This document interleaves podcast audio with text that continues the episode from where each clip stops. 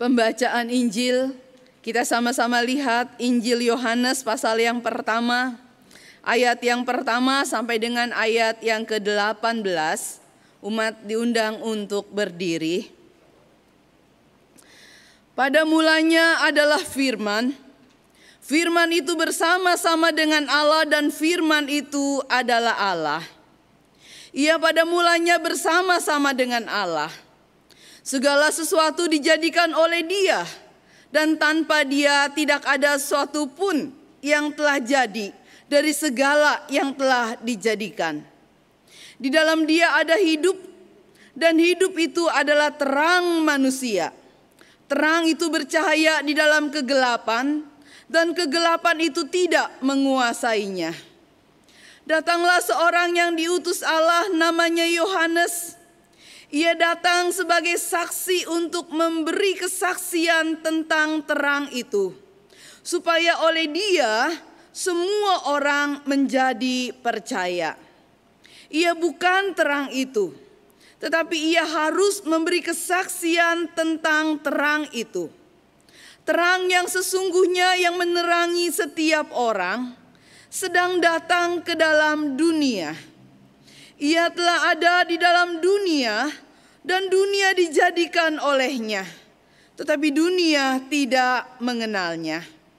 Ia datang kepada milik kepunyaannya, tetapi orang-orang kepunyaannya itu tidak menerimanya.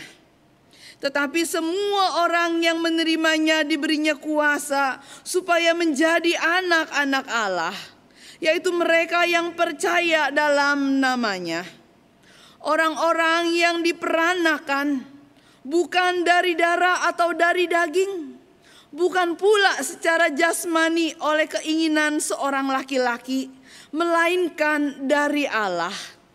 Firman itu telah menjadi manusia dan diam di antara kita, dan kita telah melihat kemuliaannya, yaitu kemuliaan yang diberikan kepadanya sebagai anak tunggal Bapa penuh kasih karunia dan kebenaran. Yohanes memberi kesaksian tentang dia dan berseru katanya, Inilah dia yang kumaksudkan ketika aku berkata, Kemudian daripadaku akan datang dia yang telah mendahului aku, sebab dia telah ada sebelum aku. Karena dari kepenuhannya kita semua telah menerima kasih karunia demi kasih karunia. Sebab hukum Taurat diberikan oleh Musa, tetapi kasih karunia dan kebenaran datang oleh Yesus Kristus. Tidak seorang pun yang pernah melihat Allah, tetapi anak tunggal Allah yang ada di pangkuan Bapa, dialah yang menyatakannya. Demikianlah pembacaan Injil Tuhan kita Yesus Kristus. Berbahagialah setiap kita yang memegang kebenaran firman Allah dan yang memeliharanya dalam kehidupannya. Haleluya.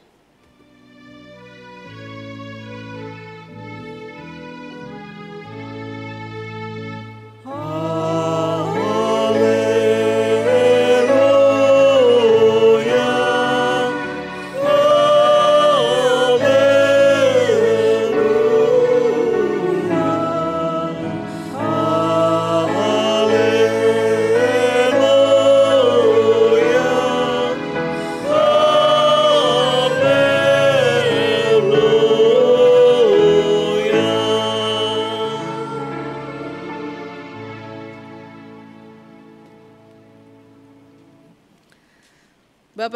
serta saudara sekalian, di dalam sejarah kehidupan kita, umat manusia, kita kadang melihat dan menghadapi situasi-situasi berat dan sulit yang membuat kita tidak bisa memikirkan dan membayangkan bagaimana kita, manusia, akan mengalami pemulihan.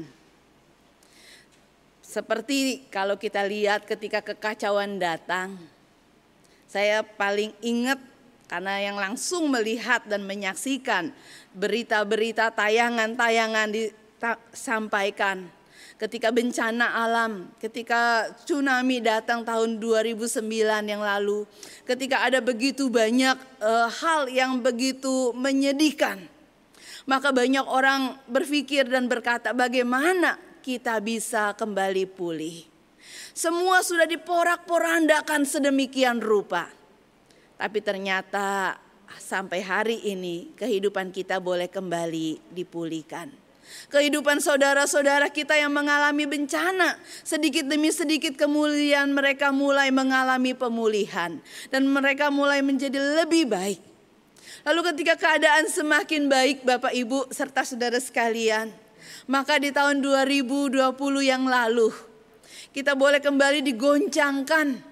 Oleh karena apa? Oleh karena ada satu pukulan lagi yang harus kita terima, yaitu hadir pandemi COVID-19. Yang bagi sebagian kita telah memporak-porandakan hidup kita. Memporak-porandakan situasi di tengah-tengah keluarga kita.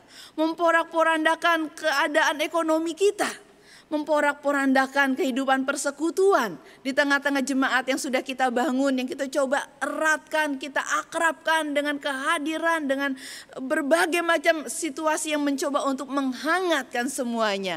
Lalu kemudian tiba-tiba datanglah pandemi ini yang kemudian membuat kita tidak lagi bisa berkumpul, yang kemudian membuat kita tidak bisa lagi dengan mudah mencari nafkah, yang kemudian tidak lagi bisa membuat kita ber lalu lalang, bergaul, bersosialisasi dengan leluasa, menyatakan kasih dan kehangatan dengan sapaan, dengan senyuman, dengan jabat tangan, dengan pelukan. Karena sekarang semuanya menjadi seakan-akan begitu dingin. Setiap orang yang kita jumpai bermasker, setiap kali kita berbicara harus berjarak. Setiap situasi yang harus kita tempuh ketika kita mau keluar untuk mencari nafkah. Maka kita menjadi dak dikduk apakah kita akan aman-aman saja ataukah kita akan e, beresiko terkena. Dan saudara-saudara Bapak Ibu sekalian ada banyak orang yang tetap harus mengerjakan pekerjaan-pekerjaannya harus tetap bekerja, harus tetap keluar rumah, harus tetap bertanggung jawab melakukan apa yang harus dilakukannya. Dan kita sedih karena ada beberapa orang yang kemudian menjadi orang-orang yang terpapar. Tapi kita tahu Bapak Ibu, bahwa segala kondisi yang kita alami hari ini seperti juga pesan yang sudah kita terima akan tidak ada untuk selama-lamanya. Akan ada saat di mana Allah akan memulihkan kita. Akan ada saat di mana keadaan kita akan kembali diberkati oleh Tuhan. Akan ada saat di mana kita akan melihat kasih karunia demi kasih karunia yang diberikan dan dinyatakan kepada kita. Bapak Ibu serta saudara sekalian, kalau tadi kita mendengar pembacaan dari Yeremia pasal yang ke-31. Satu pembacaan firman yang begitu menenangkan kita. Satu pesan firman yang begitu menyejukkan dan begitu enak didengar oleh telinga kita. Berita tentang pengharapan. Pengharapan di tengah-tengah kerumitan, pengharapan di tengah-tengah ketidakpastian, pengharapan di tengah-tengah kebingungan bagaimana kita akan bisa bertahan, bagaimana kita akan bisa kembali menikmati hidup dan anugerah Allah, bagaimana mata kita, hidup kita bisa kembali melihat hal-hal yang baik dalam hidup kita. Masih ada pengharapan. Bapak Ibu, bagian Alkitab dari Yeremia pasal yang ke-31 adalah bagian firman Tuhan yang disuruh oleh Tuhan kepada Yeremia untuk disampaikan kepada umat Israel yang pada waktu itu kondisi mereka sungguh-sungguh terpuruk. Mereka ditinggalkan negerinya dalam kondisi kacau balau. Hancur semuanya. Oleh karena apa baru saja kerajaan Babel datang merampok mereka membumi hanguskan tanah mereka, merusak tembok kota mereka. Sehingga tidak ada lagi tembok kota yang mengelilingi mereka, melindungi mereka. Sehingga kalau digambarkan keadaan mereka, kalau kita baca di kitab Nehemia, kitab yang lainnya, ketika ada orang Israel yang tersisa di Yerusalem datang kepada Nehemia di tempat pembuangan, lalu Nehemia bertanya, "Bagaimana keadaan saudara-saudara kita?" Maka dikatakan, "Wah, keadaan mereka sangat bercela, sangat mengenaskan, sangat menghancurkan hati. Seakan-akan mereka benar-benar dalam kondisi ditinggalkan oleh Allah. Mereka mengalami kesusahan, mereka mengalami keadaan yang sangat sulit dan mereka terus bekerja tetapi mereka tidak bisa menikmati hasil pekerjaan mereka. Karena selalu ada orang-orang jahat yang kemudian datang untuk merampok dan merampas mereka. Karena kota mereka tidak bertembok. Karena kota mereka tidak berkubu. Sehingga banyak orang bisa melakukan tindak kejahatan atas mereka. Bapak ibu siapa yang tersisa di sana? Kaum remnan kita bilang orang-orang yang tersisa, orang-orang yang tertinggal di Yerusalem, mereka yang tidak diangkut ke dalam pembuangan di Babel. Siapa mereka yang tertinggal di sana? Para orang tua, para perempuan, orang-orang lemah, orang-orang yang punya keterbatasan, orang-orang yang dirasa oleh para perampok dan penjajah tidak akan berguna sehingga mereka ditinggalkan di tanah itu dengan tanah yang sudah lulu lantak, dengan kehancuran yang ada di sekitar mereka, bagaimana mereka akan kembali bangkit? Bagaimana kehidupan mereka akan kembali pulih? Bagaimana kembali mereka bisa bersorak-sorak dan bersukaria di tengah-tengah situasi yang seperti itu? Apa yang bisa mereka lakukan? Maka tidak heran kalau dikatakan keadaan mereka sangat bercela, benar-benar mengenaskan dan sangat memprihatinkan. Tapi sungguhkah di tengah-tengah situasi yang seperti itu sama sekali tidak ada harapan bagi mereka? Betulkah bahwa mereka sudah tidak akan pernah lagi bisa bersorak-sorak, bersukaria dan tertawa? Betulkah di jalan mereka hanya ada kesusahan, tangisan dan air mata? Bapak, Ibu, serta saudara sekalian, firman Tuhan disampaikan kepada mereka. Bahwa tidak untuk selama-lamanya keadaan susah, keadaan sukar itu mereka hadapi. Karena Tuhan sendiri yang akan datang kepada mereka. Tuhan sendiri yang akan menjaga mereka, yang akan menolong mereka, yang akan menguatkan mereka. Tuhan sendiri yang akan memulihkan keadaan mereka. Tuhan sendiri yang akan membawa mereka yang sudah tertawan oleh Raja Babel kembali ke negerinya, kembali ke tanahnya. Apabila waktunya sudah genap. Apabila maksud dan tujuan Allah mendidik mereka, mendisiplin mereka, menghajar mereka, itu sudah selesai maka Tuhan sendiri akan memulihkan. Bapak Ibu, ada pengharapan di tengah-tengah kehancuran. Ada pengharapan di tengah-tengah ketidakjelasan akan masa depan. Ada pengharapan di tengah-tengah gelapnya hidup mereka. Dan nubuat pengharapan ini sudah tergenapi. Akan tergenapi. Dan juga sedang tergenapi. Kenapa saya katakan sudah, sedang, dan akan? Karena memang itulah yang dikatakan oleh firman Tuhan dan begitulah setiap nubuat itu bekerja ketika diberitakan dan diberitahukan kepada umat Allah. Maka dalam waktu dekat nubuat itu kemudian menjadi kenyataan ketika bangsa Israel bisa kembali ke tengah-tengah negerinya. Dimulai dengan satu angkatan demi satu angkatan.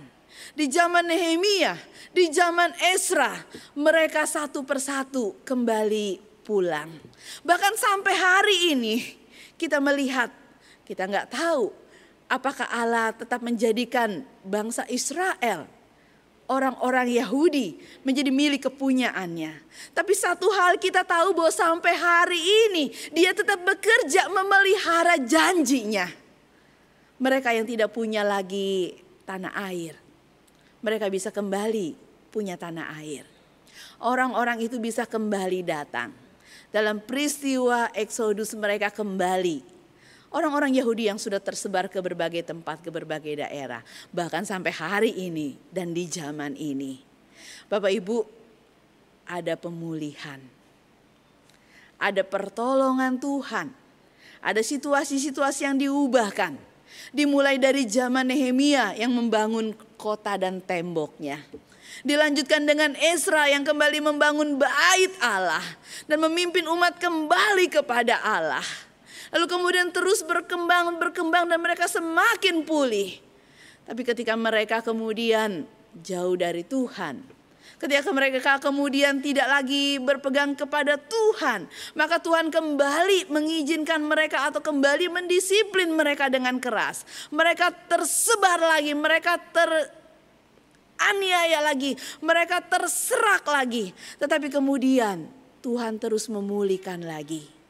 Artinya apa Bapak Ibu serta saudara sekalian? Di tengah-tengah situasi yang mungkin akan terus terulang. Karena seluruh hidup kita juga akan terus turun naik seperti itu. Tuhan tetap ada. Dia hadir, dia bekerja, dia memulihkan. Dia memurnikan, tapi dia juga memelihara. Dia memukul, tapi dia juga mengobati setiap luka. Dia menghardik dengan keras tapi dia juga memeluk dengan penuh kasih sayang. Bangsa Israel melihat dan mengalami itu. Dan puncak dari seluruh penggenapan itu adalah ketika Kristus Yesus Tuhan datang ke dalam dunia. Dialah terang yang sesungguhnya. Dialah Allah yang menjadi manusia.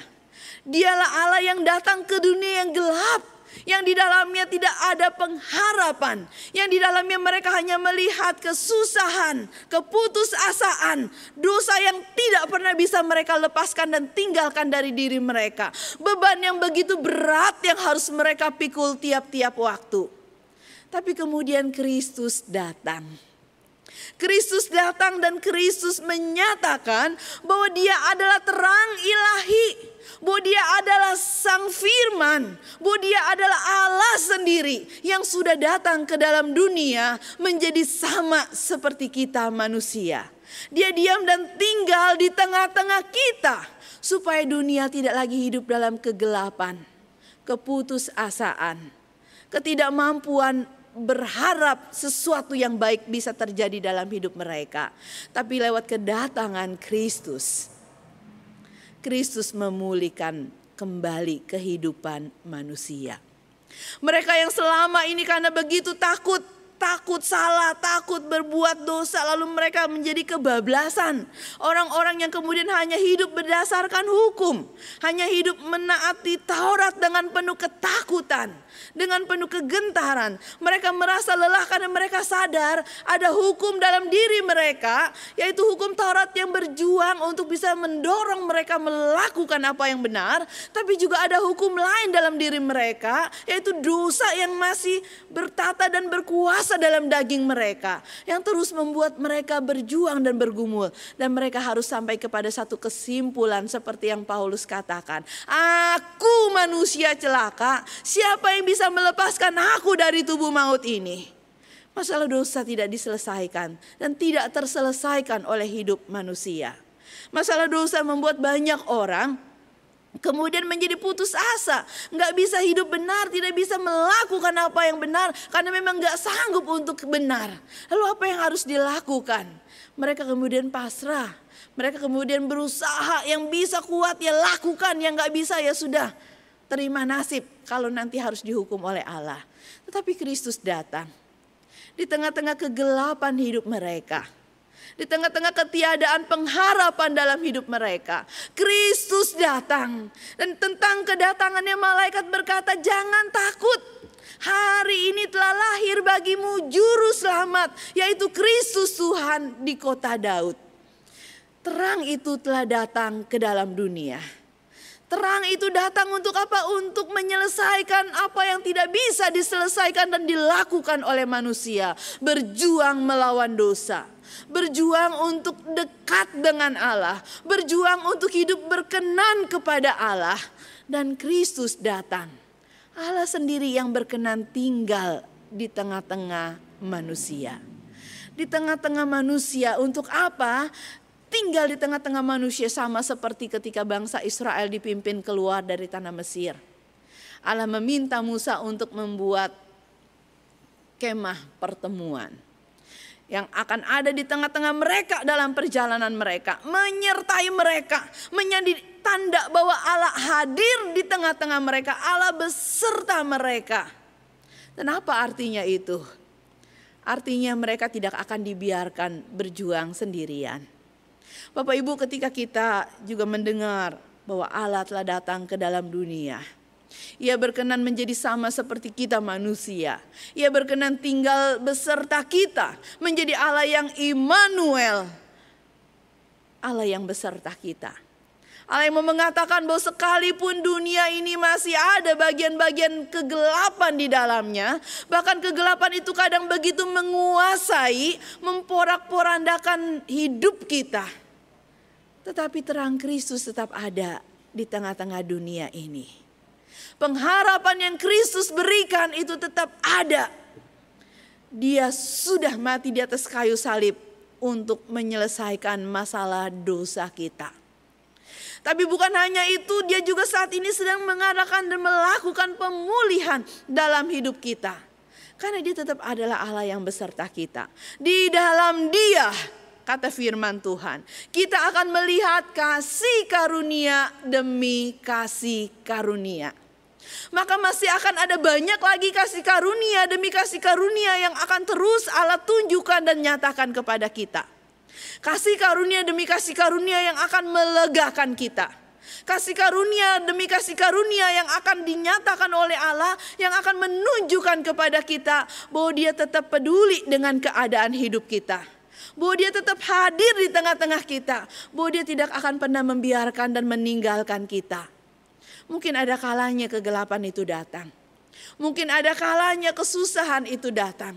Mungkin ada kalanya kita melihat hidup kita begitu porak-poranda oleh karena banyak hal. Bapak Ibu mungkin Tuhan sedang ingin menyatakan diri untuk mengajar kita. Mungkin Tuhan sedang ingin hadir dan mengingatkan kita bahwa dia ada bahwa dia tetap hadir, bahwa dia tetap berkuasa, bahwa dia tetap bekerja di tengah-tengah kehidupan kita. Mungkin dia ingin ingatkan kita bahwa selain apa yang kita punya dan bisa kita sandari dalam hidup kita yang ada di dunia ini, sesungguhnya ada sandaran kekal yang tetap akan terus kita perlukan dan kita butuhkan sepanjang hidup kita, yaitu Tuhan Allah yang hadir di tengah-tengah kita. Ketika kita mulai berjalan, mulai menggantungkan diri kita kepada materi, kepada orang-orang di sekitar kita, kepada kemampuan kita, kepada ilmu pengetahuan kita, kepada segala macam kemajuan-kemajuan yang bisa kita capai, kepada kebesaran dan kegagahan kita. Maka saat itu Tuhan mengingatkan bahwa hanya Dia sandaran yang kekal. Bahwa hanya Dia sumber pengharapan. Ketika yang lain bisa hancur luluh, ketika yang lain tidak bisa diandalkan, Tuhan ada dan dia dapat diandalkan. Dia terus bekerja sampai hari ini. Bahkan dia akan terus bekerja sampai kekekalan kita jumpai. Itu yang dikatakan oleh Paulus dalam Efesus pasal yang pertama ayat 1 sampai dengan ayat yang ke-14. Di dalam Kristus kita sudah menerima penebusan. Di dalam Kristus kita sudah menerima pengampunan. Di dalam Kristus kita juga memperoleh satu jaminan bahwa kita akan menerima kemuliaan kekal yang melebihi segala-galanya. Dan Roh Kudus itulah tanda meterainya yang sudah diberikan kepada setiap orang yang percaya kepada Dia. Karena setiap orang yang percaya kepada Dia, firman Tuhan berkata, Dia memeteraikan mereka dengan rohnya yang kudus. Sebagai tanda, sebagai jaminan bahwa ini adalah milik kepunyaan Allah yang akan tetap dijaga dan dipelihara oleh Allah. Bapak Ibu, selama kita mengakui Dia, selama kita menerima Dia, Selama kita mau terus berjalan bersama-sama dengan Allah yang Immanuel itu. Maka kondisi apa pun yang kita hadapi, Tuhan ada beserta kita. Tidak ada kehidupan kita yang begitu sulit sampai tidak ada pengharapan sama sekali. Karena di tengah-tengah banyak kesulitan sekalipun bahkan tidak sanggup kita untuk memikirkan dan membayangkannya sekalipun. Dia tetap ada, dia tetap hadir, dia tetap bekerja. Dan dia akan bekerja sampai kapan? Sampai kita bisa kembali ketemu Tuhan. sampai kita bisa kembali melihat kemuliaan yang sepenuhnya, yang seutuhnya yang akan dinyatakan kepada kita pada waktunya. Oleh sebab itu, hari ini ketika hidup kita mungkin masih belum jelas. Kita pikir, wah udah ada vaksin. Wah kita senang sekali tapi kemudian ada berita-berita tentang beginilah, tentang vaksin itu, begitulah vaksin itu. Lalu kemudian kalaupun itu memang benar-benar bekerja dan benar-benar bisa uh, berjalan dengan baik, maka diperlukan waktu masih bertahun-tahun lamanya supaya semua orang di Indonesia bisa divaksin dan supaya benar-benar punya daya tahan tubuh yang kuat. Tapi ternyata sebelum vaksin itu bisa dilakukan, ada lagi berita yang melemahkan kita. Dibilang apa? Oh sekarang virusnya udah bermutasi. Dia udah berubah, ganti wujud, ganti cara kerja. Wah ini harus diteliti lagi, harus diupayakan lagi untuk bisa mengalahkannya dengan cara yang berbeda lagi dan seterusnya. Seakan-akan harapan itu ketika mau mekar dan terangkat lalu kita seperti terhempas kembali. Seakan-akan ada harapan mulai terang itu muncul lalu kegelapan kembali datang. Bapak Ibu tidak tidak demikian sepenuhnya dan seutuhnya. Selama kita berjalan bersama-sama Kristus, sang terang dunia. Di tengah-tengah kegelapan sekalipun terang itu tetap bersinar dan bercahaya. Di tengah-tengah kegelapan sekalipun kita bisa melihat titik pengharapan selama kita mengarahkan mata kita kepada Tuhan. Karena itu dalam perjalanan kita di sepanjang tahun ini, di tahun 2021 kita nggak tahu kita akan ketemu apa. Akan ada situasi yang seperti apa. Apakah badai virus COVID ini akan mereda ataukah akan semakin bertambah parah? Apakah kehidupan di tengah-tengah masalah ekonomi kita akan semakin pulih ataukah sebaliknya? Kita tidak tahu. Kita tidak punya jaminan apa-apa. Kita hanya punya jaminan satu, yaitu bahwa kita punya Allah yang sanggup menjamin hari depan kita, yang sanggup menjamin masa depan kita, yang akan berperang bagi kita, yang akan menyatakan pemeliharaannya atas kita, yang akan menunjukkan kasih karunia demi kasih karunia satu hari lepas satu hari. Kiranya Tuhan menolong kita, menguatkan langkah kita. Beberapa hari terakhir ini, saya mendengar beberapa saudara kita mulai terinfeksi, terpapar COVID-19. Bapak Ibu, semakin banyak orang yang terpapar. Semakin banyak orang yang kena.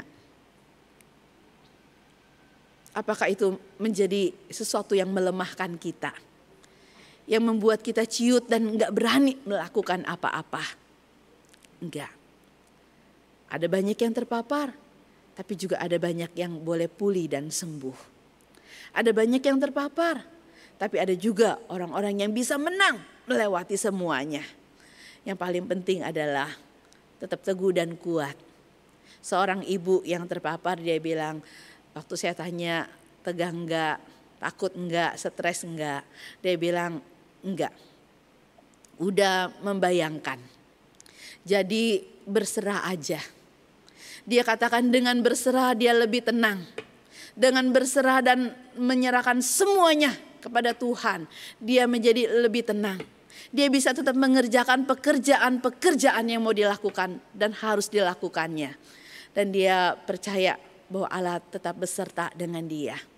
Bapak Ibu, Allah yang sama juga beserta dengan kita.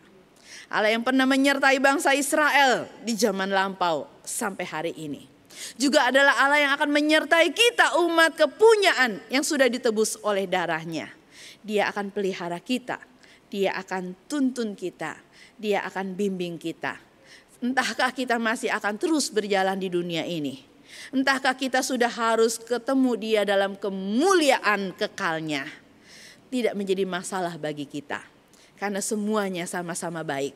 Selama ada Allah beserta kita. Tuhan sang terang kiranya memberi pengharapan yang baru kepada saya, kepada Bapak Ibu, kepada opa oma yang ada di RPU Kamuara Kasih Bilabong, kepada setiap kita yang hari ini sedang bergumul dengan sakit penyakit dan kelemahan tubuh, kepada kita yang sedang menangis khawatir karena ada orang tua kita, karena ada seisi rumah kita yang terpapar dan kita tidak berdaya. Tapi kita punya Tuhan yang hidup sumber terang yang memberikan pengharapan itu kepada kita. Percayalah Tuhan beserta kita. Amin.